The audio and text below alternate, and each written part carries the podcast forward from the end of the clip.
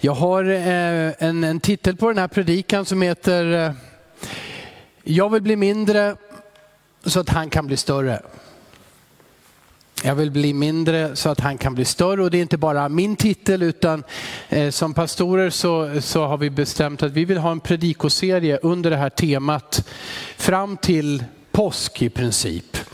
Eh, att vi, du och jag som människor ska bli mindre för att ge utrymme åt Jesus att bli större. Eh, det är påsk om eh, 42 dagar från idag. 42 dagar så firar vi påsk. Den handlar om Jesu uppståndelse, den handlar om hans seger över synden, över döden och det finns ingenting större för hela mänskligheten. Det finns ingenting större än det som vi firar när vi firar påsk. Det är absolut större än allting annat i mänsklighetens historia. Tills den dag då Jesus kommer tillbaka. Men för att vi ska vara med och glädjas när den dagen är när han kommer tillbaka. Så behöver vi också den välsignelse som påsken ger eller gav till varje människa. Det spelar ingen roll om det är högtiden som vi firar när vi firar påsk eller om det är vardagen att leva i detta. Jesus har uppstått. Han har besegrat synden, han har besegrat döden. Det är både högtidsfirande och det är en del av vardagen. Världs, mänsklighetens största problem löstes när Jesus dog och när han uppstod. Det vill säga att kontakt med Gud etablerades. Att hindret som låg i vägen för varje människa att få en hållbar kontakt med Gud, det hindret, synden, togs bort, eliminerades av, av Jesus. När han tog all sin synd, han tog all vår synd på sig. När han dog för vår skull och när fadern uppväckte honom på tredje dagen.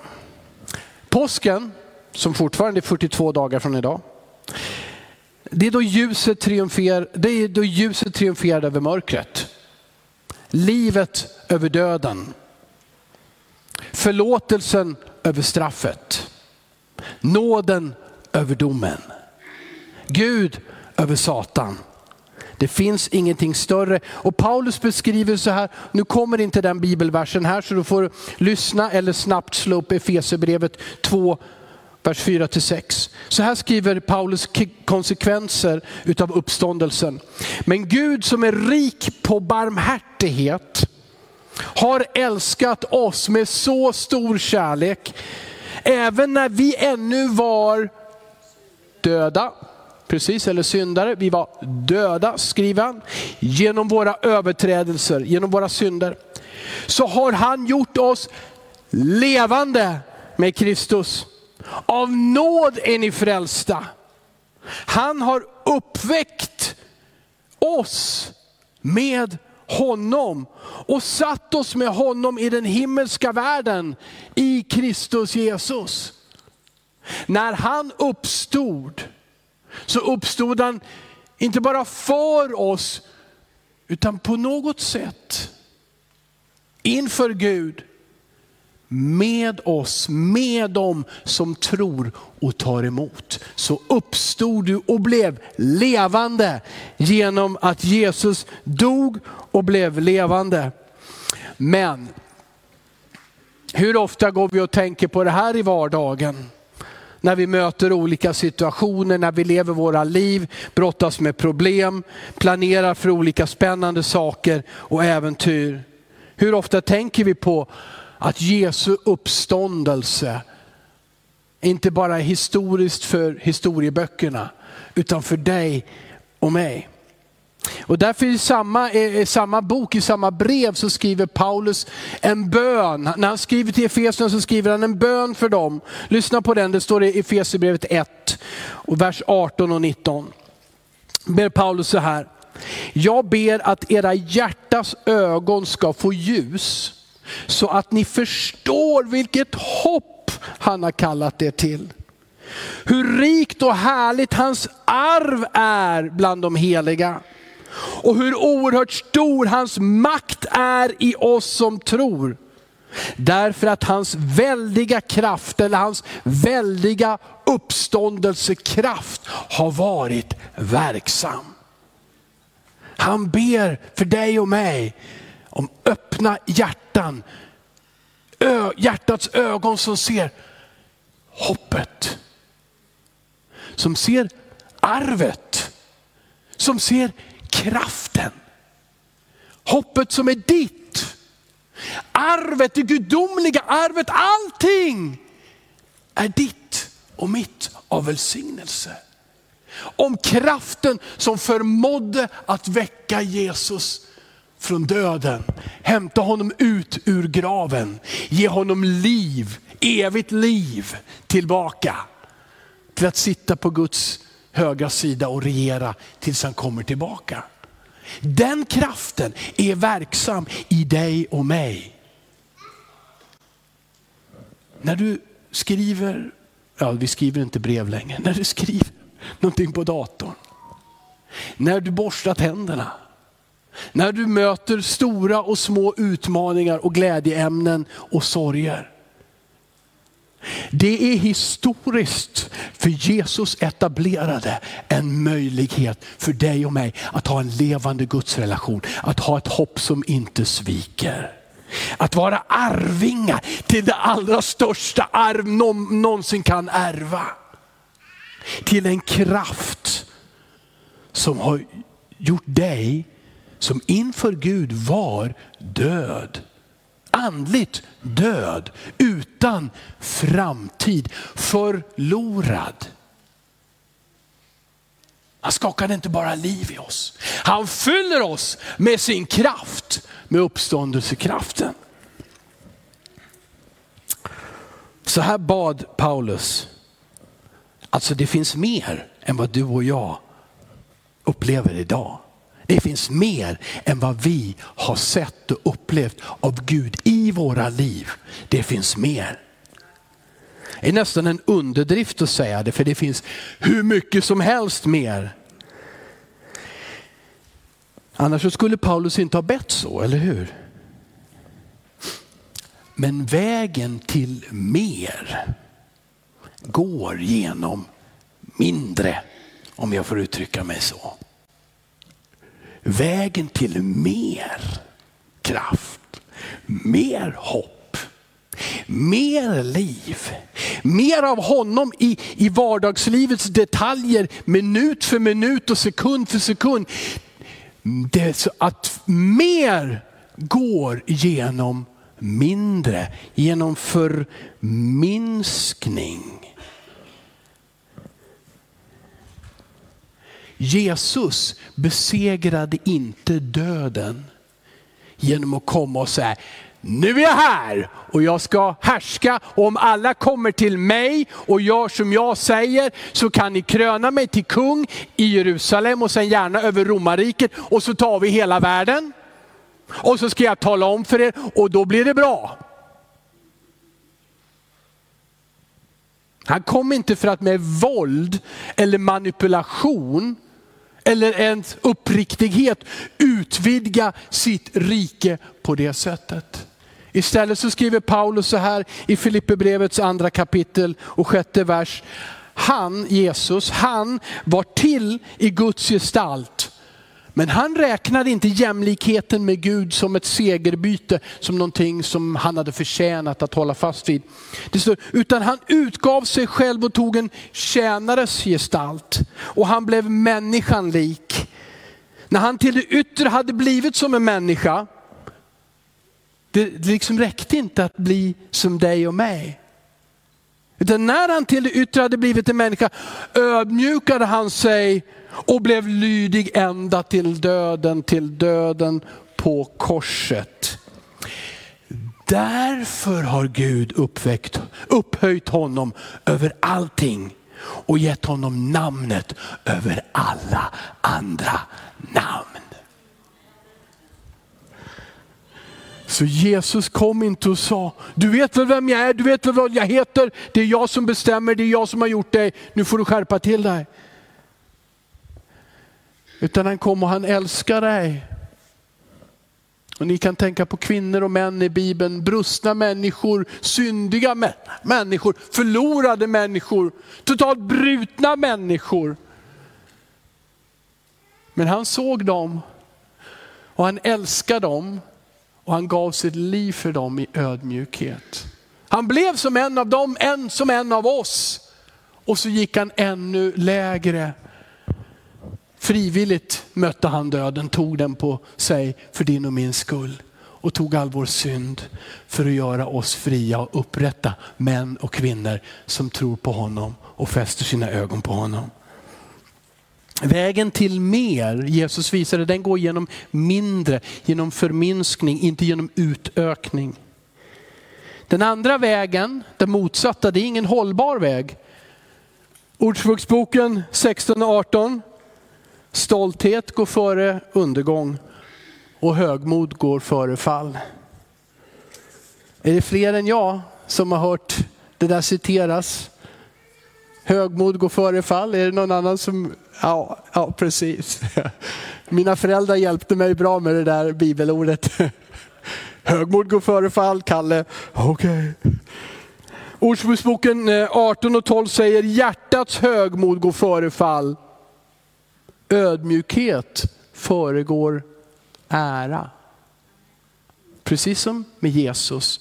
För att han ödmjukade sig. Därför fick han ett namn högre än alla andra namn.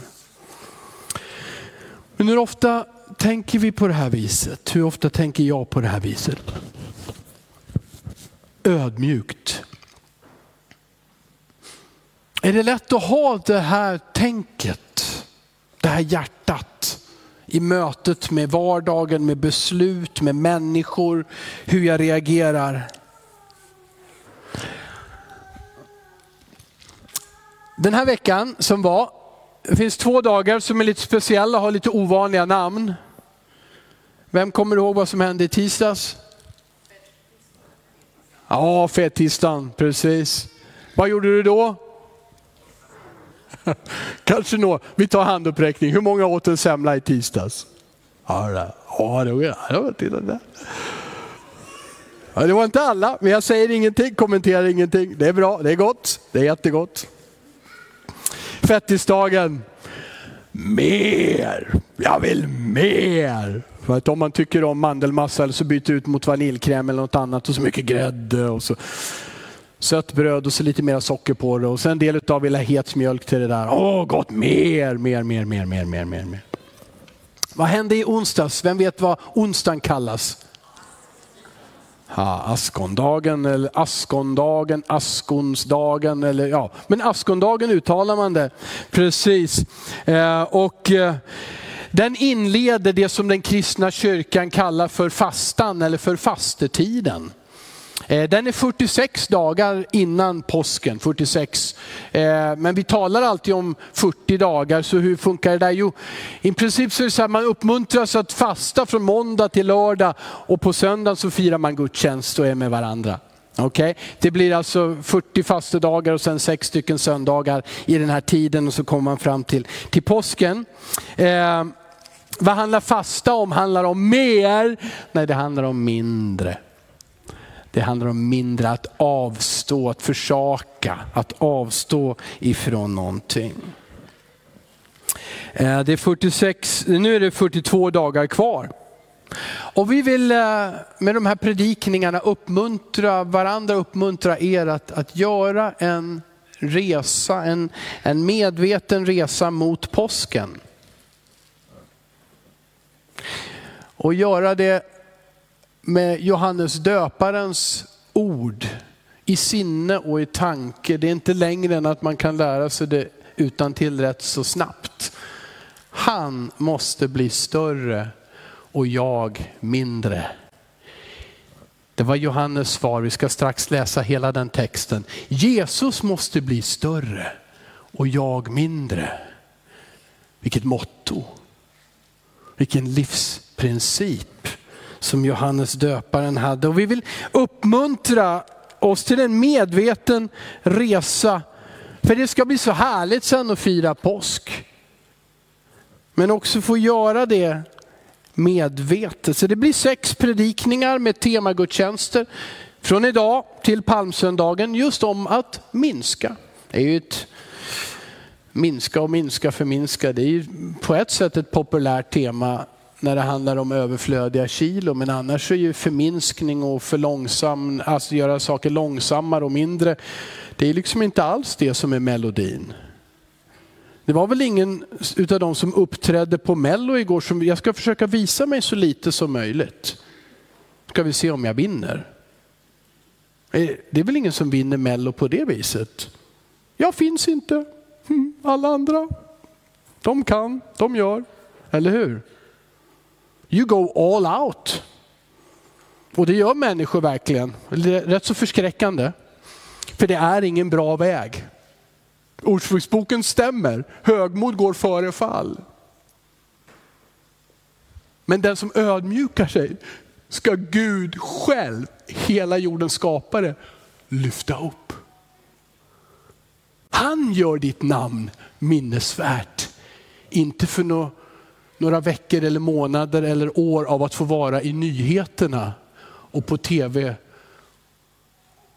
Han gör ditt namn minnesvärt i all evighet. Men den vägen går inte genom självuppfyllelse och upphöjelse utan genom ödmjukhet. Jag tror att det här blir en bra predikoserie tillsammans med Annika och Malin och, och Rut och en, en, en gäst som heter Fredrik Lignell om några veckor. Att få predika kring det här. Och det här är liksom bara starten idag så därför så tar jag den här introduktionen. Att gå ödmjukhetens väg. Jesus måste bli större och jag mindre. Att satsa på förminskning av mig. Inte för att bli fattig, inte för att bli utlämnad, utan för att bli rik i Jesus och omsluten och innesluten av honom. När, vårt, eh, när det blir mindre av vårt ego, jag, mig, mitt, mina. När det blir mindre av det, av mitt ego och mer av Jesus, då blir faktiskt välsignelsen större, eller hur?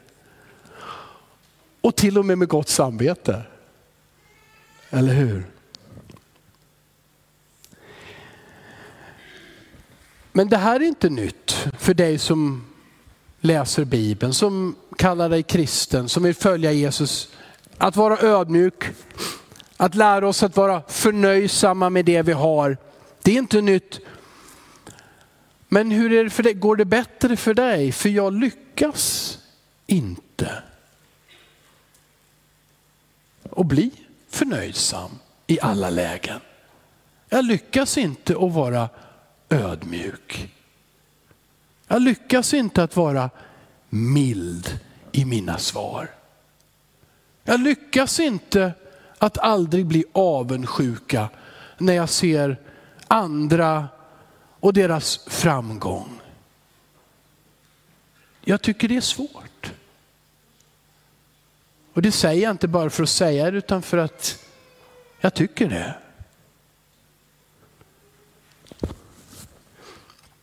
Frestelserna finns där. Högmod, avundsjuka, habegär, själviskhet. Bitterheten försvann inte automatiskt när jag tog emot Jesus. Även om allt blev nytt så får jag ändå kämpa när människor säger sårande ord eller det finns missuppfattningar som jag inte känner igen. Bibeln säger se på Jesus. Lyft blicken och se på Jesus. Men ärligt talat, hur lätt är det? Bibeln säger bli som Jesus. Bli som Jesus. Men hur lätt är det? Går det bra för dig?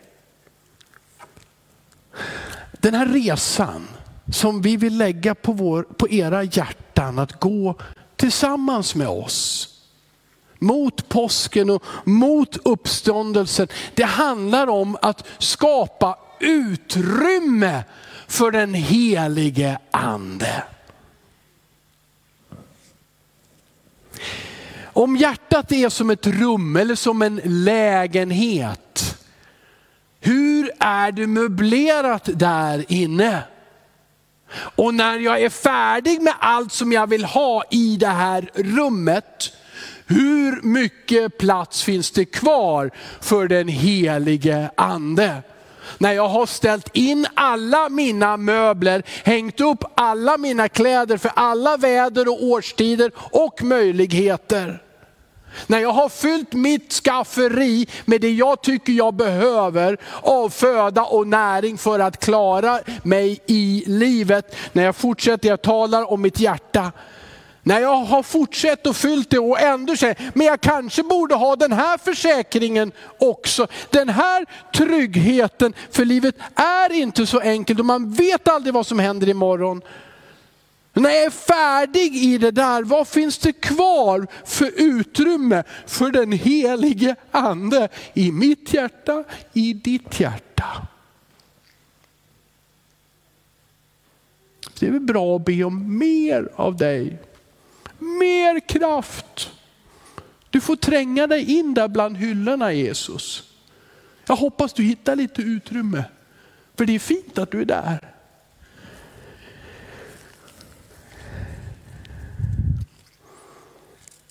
Vad är det som blockerar mig och dig från att se Jesus? Att lyfta blicken. Jag ska lyfta blicken. Åh vad tungt det är att bära. Jag ska lyfta blicken. Åh vad jag tycker illa om den killen.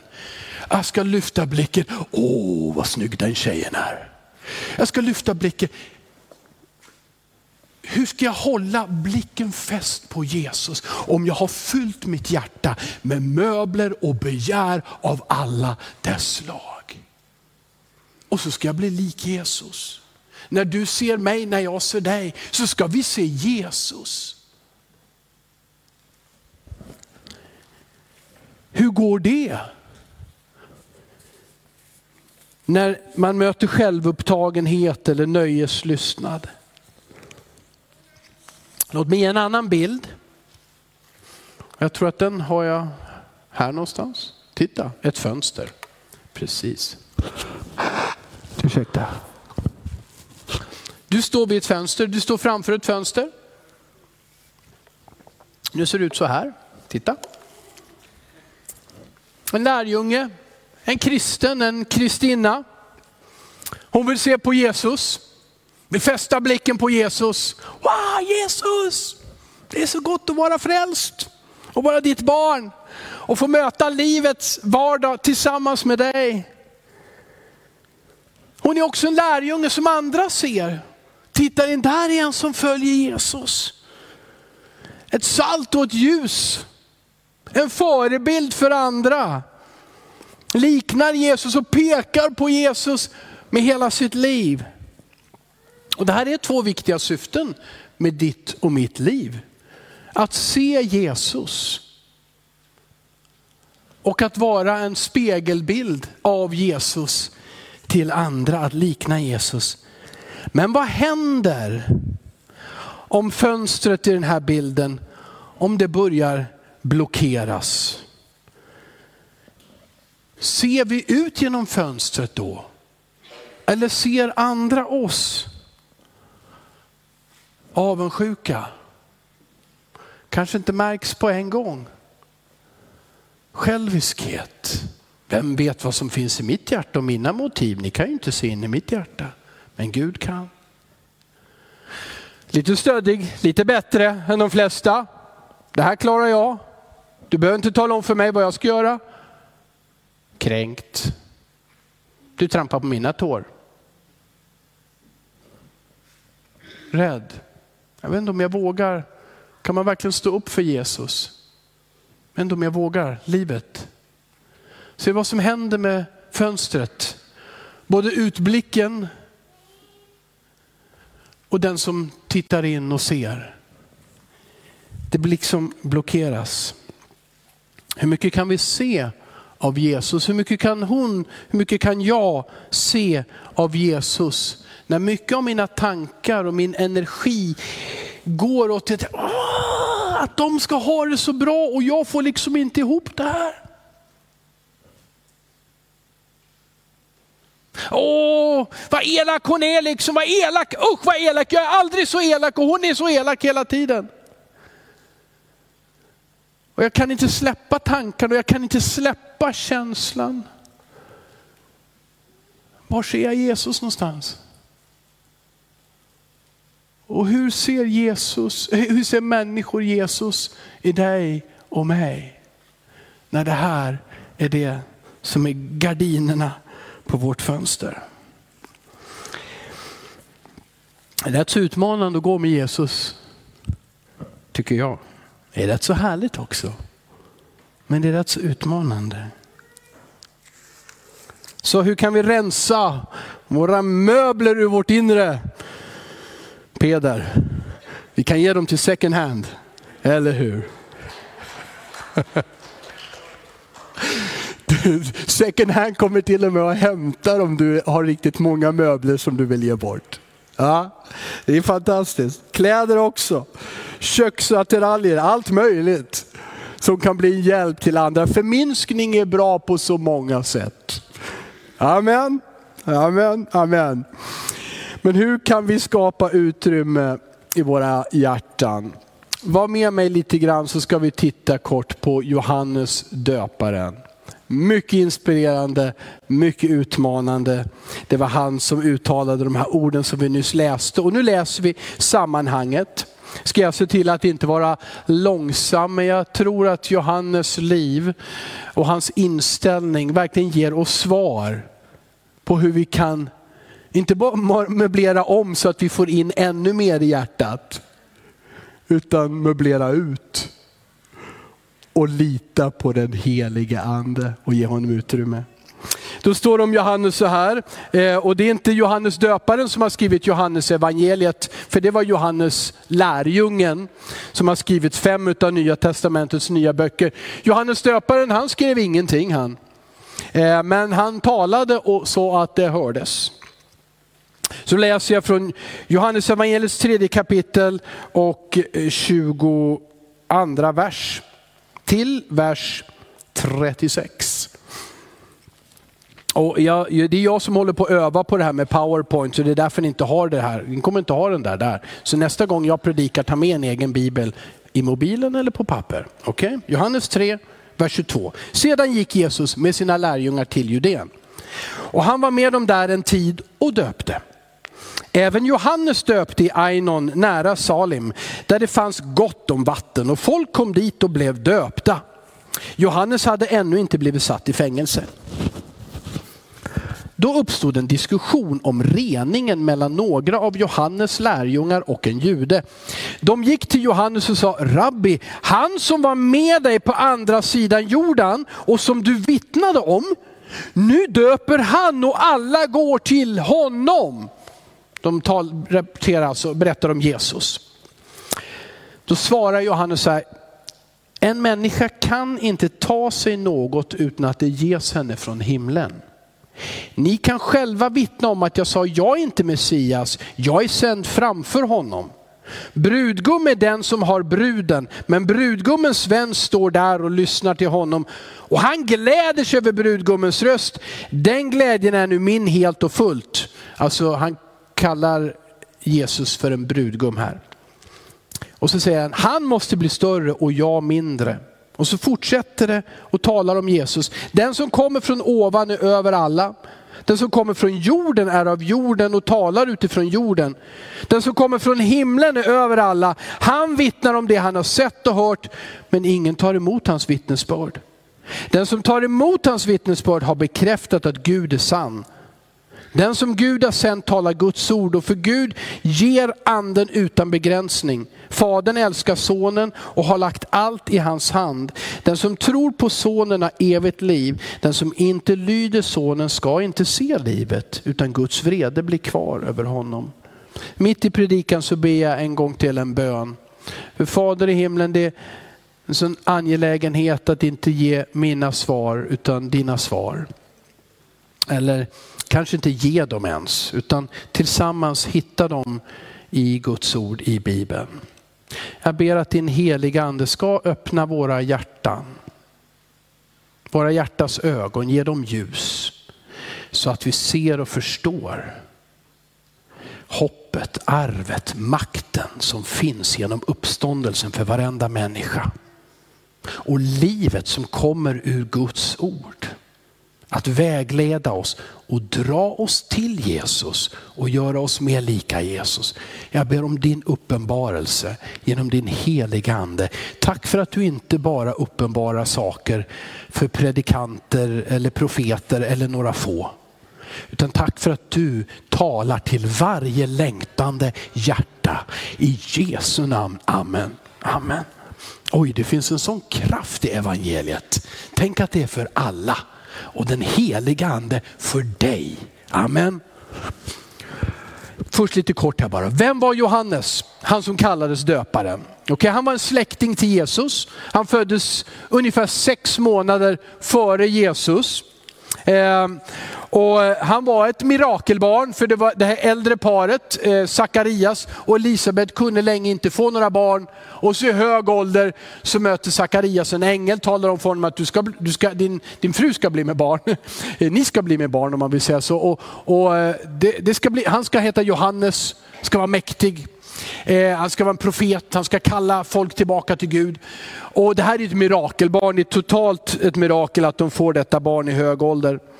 Det står om, om Johannes så här i, i Lukas kapitel 1.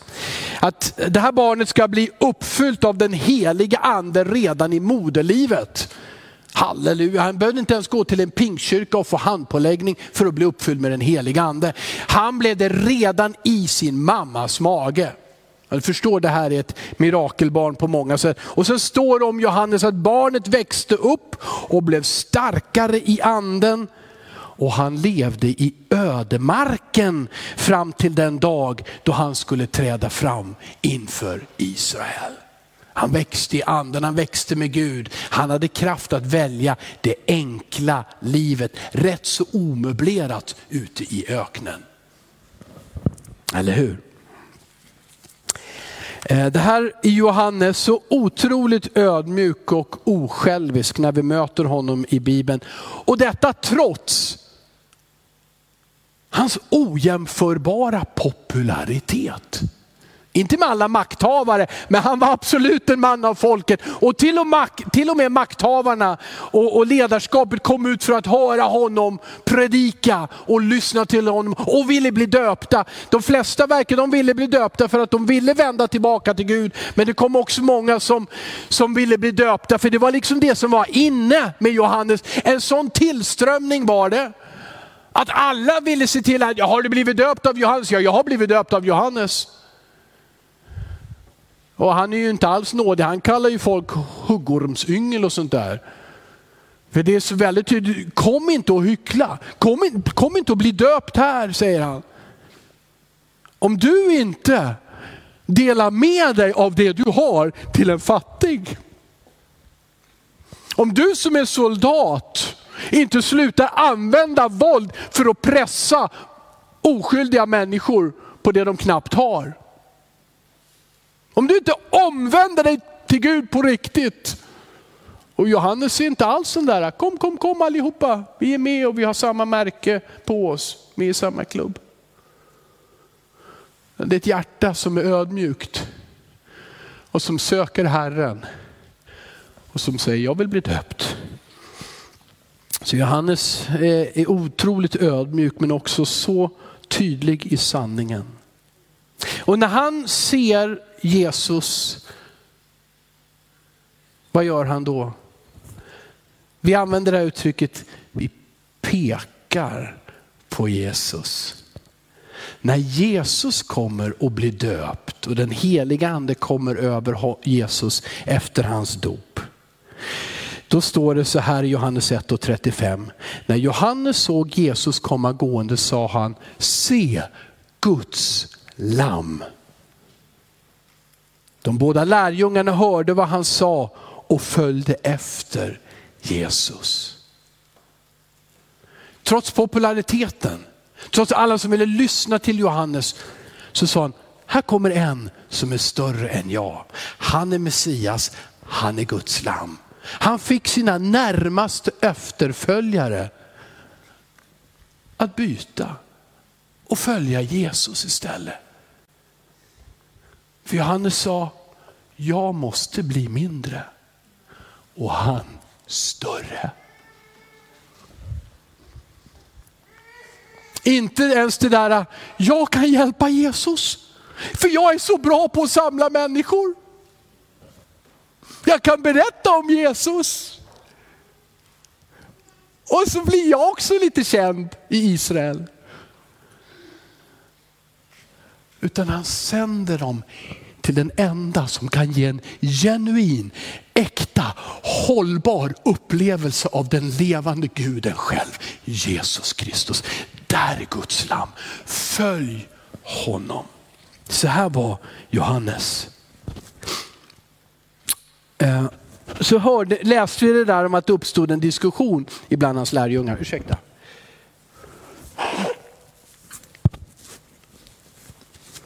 Och jag ställer mig frågan, håller vi ibland på ungefär som Johannes lärjungar?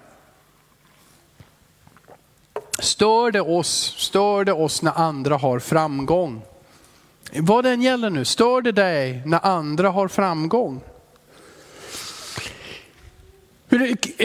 Kanske speciellt när det handlar om samma område som du är bra på och vill vara bra på och har gjort en massa saker.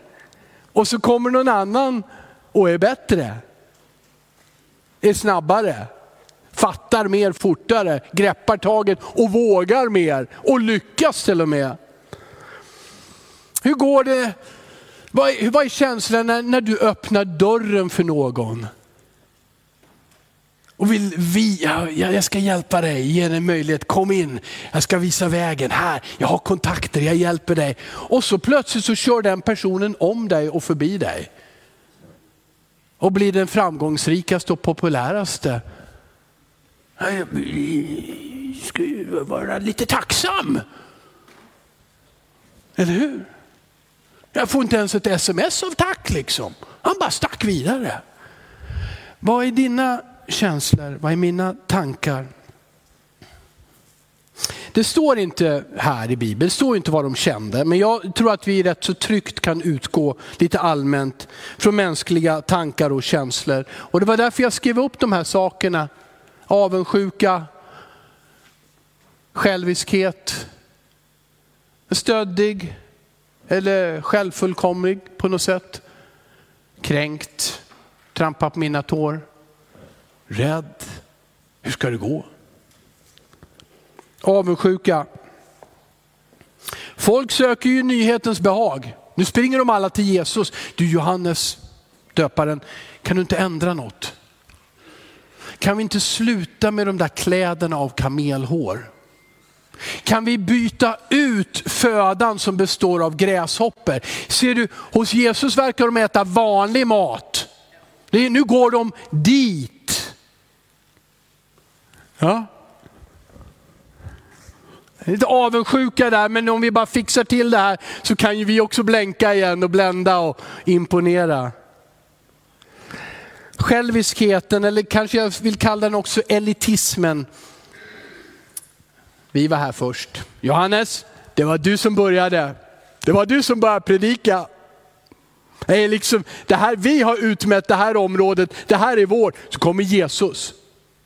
Vad kan han egentligen? En stöddighet. Det är liksom våra skaror. Johannes, du var den första som döpte så här mycket. Va? Jesus kommer att kopiera dig. Förstår ni, Jesus har inte dött på korset när det här händer. Okay? De har inte sett så många mirakel ens. Det har inte hänt så mycket. Han bara håller på att härmas och kopierar. Vad håller han på med? Alltså lite tycka synd om mentaliteten, tycka synd om mig naturligtvis. Lite kränkta sådär grabbarna som följde Johannes. Ja, ja, ja, ja, ja. Jesus utnyttjade din karriär. Han utnyttjade dig för sin egen karriär. Du blev liksom det där steget han klev på och sen fick Jesus all berömmelse. Vem tror han att han är egentligen? Och så kanske ändå lite rädsla. Jesus, eller Johannes, vi är trogna. Vi håller ut vad du har sagt. vi, gör, vi, vi håller fast vid det här. Och, och vad händer om nu alla människorna går till Jesus? Vad, vad, vad, ska, vad, händer med oss? Var ska vi ta vägen? Johannes, om, om, om inte du fortsätter att dra skaror utan alla sticker till honom. Jag eh, är öppen för andra svar och tankar, självklart kring det här.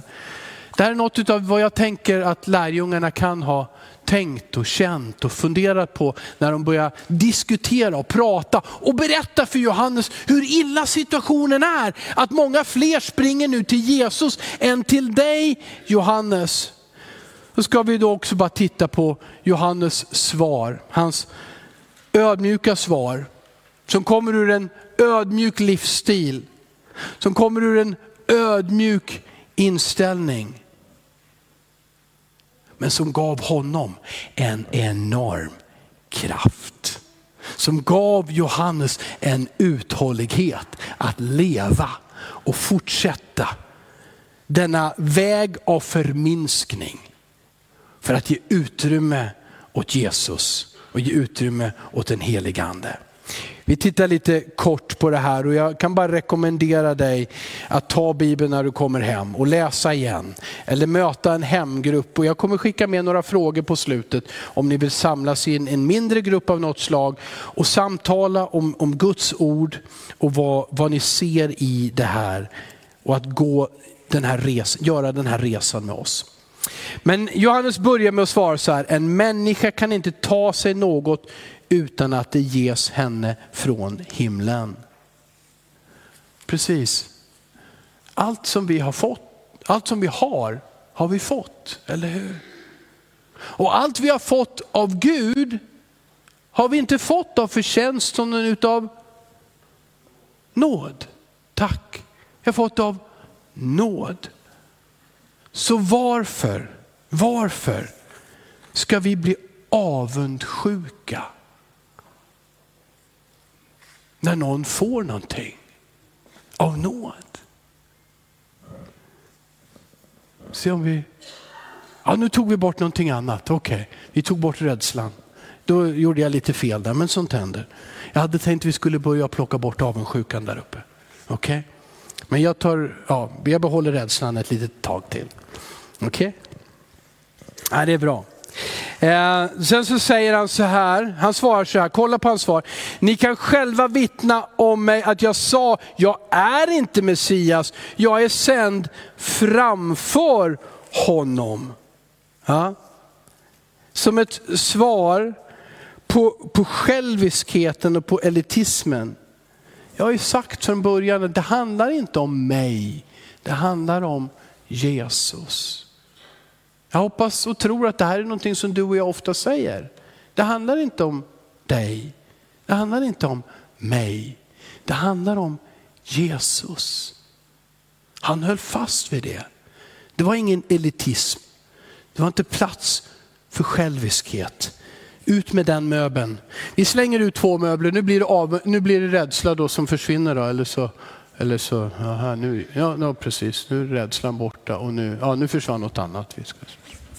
Det är fantastiskt. Ja, men jag sa det till de medarbetarna eller vännerna här att eh, idag är det risk för att jag blir mindre. Det är väl härligt, det är väl en, en bra risk att gå in på hörni. Han säger att brudgummen är den som har bruden. Det är Jesus som är brudgummen och bruden det är människorna, folket som kommer till honom. Det är, det är inte jag, säger Johannes, det är Jesus. Jag är kallad för att predika män, och att människor ska omvända sig, men han kom för att förbereda människor för att ta emot Jesus. Brudgummens vän står där och lyssnar till honom och han gläder sig över brudgummens röst. Johannes gladde sig istället för att vara avundsjuk. Han gladde sig för, och visste att de här skarorna av människor, de tillhör inte mig. Det står att den glädjen är min helt och fullt. Det fanns inget fokus. På ett, I ett bröllop finns inget fokus på rädsla, eller hur? Då tycker jag inte vi ska gifta oss. Bröllop, det handlar om glädje. Johannes var på bröllop. Jesus är brudgummen. Alla människor är bruden. Och han bara gläder sig. Ett fokus på glädjen för det som Jesus gör här och nu. Och när vi plockar bort, jaha, nu ska jag gå till rätt håll. När vi plockar bort kränkthet, stöddighet, själviskhet, avundsjuka. Bort med det nu. Ja, nu. Då är hon där igen. Hon som ser på Jesus och som andra kan se Jesus i. Det här är en resa. Men den handlar allra främst om ödmjukhet. Den handlar om att ge utrymme i våra hjärtan för mer av Gud. Att fasta, att avstå. Det är bra att fasta från mat, det är mycket, mycket bibliskt. Jesus säger att en del böner de blir bara besvarade i kombination med fasta. Men det är inte för din och min checklista. Oh, nu har jag fastat i en dag, nu har jag fastat i en vecka. Oh, 40 dagar, wow! Nu har jag gjort det, vad bra. Utan det handlar om att ge utrymme, utrymme, utrymme. Bära ut möblerna, bära ut det som hindrar ur hjärtat och ge plats åt Jesus. Amen. Låt oss be tillsammans. Välkommen lovsångsteamet. Fader i himlen, jag ber till dig för mig och för oss och varenda en som läser ditt ord och hör budskapet. Herre Jesus, jag tackar dig för att du verkligen har dött för alla våra synder. Jag tackar dig för att du har gjort allt som behövs för att vi ska få nåd, förlåtelse, liv, framtid. Jag tackar dig för att det är sant för varenda människa och ingen behöver ha gått i kyrkan i fem eller tio år för detta. Jag tackar dig för att det är sant att den som tror på dig den som ropar till dig, kanske i sin otro men i sin längtan och desperation. Du hör och du förlåter och du frälser och du är inte sen att flytta in i våra hjärtan och i våra liv Herre. Men Jesus hjälp mig och hjälp oss att inte börja plocka på oss olika saker i våra hjärtan Herre. Så att det blir svårt att se dig, för jag vill se dig. Och jag vill att varenda en ska se dig Herre. Och jag vill Herre Jesus Kristus att vi ska få vara salt och ljus, att vi ska få vara förebilder för varandra och andra. Att vi ska bli mer lika dig. Herre, Herre Jesus Kristus. Jag tackar dig för att du kommer med en, en uppmuntran nu Herre. Profetisk uppmuntran till någon där sorgen har fått ta över och inte hittat en utväg ur den. Men jag tackar dig för att du är all trösts Gud. Tack för att du lägger din hand på min syster, min broder. Tack för att du säger att du har burit allting. Du vet allting, du var alltid där och du är där och det finns en framtid av glädje, av hopp av helande och upprättelse. Herre, tack för att din heliga ande är här och talar genom människor, genom ditt ord, genom sången, genom bönen, Herre. Låt oss få möta dig igen, Herre Jesus Kristus. Vi som vill gå resan med Jesus säger amen. Vi, vill, vi som vill släppa släppa bördor som distraherar säger amen. Vi, vi som vill ge våra frestelser och synder till Jesus, vi säger amen. Vi som vill ta emot den heliga andes kraft säger amen. Amen, amen, amen.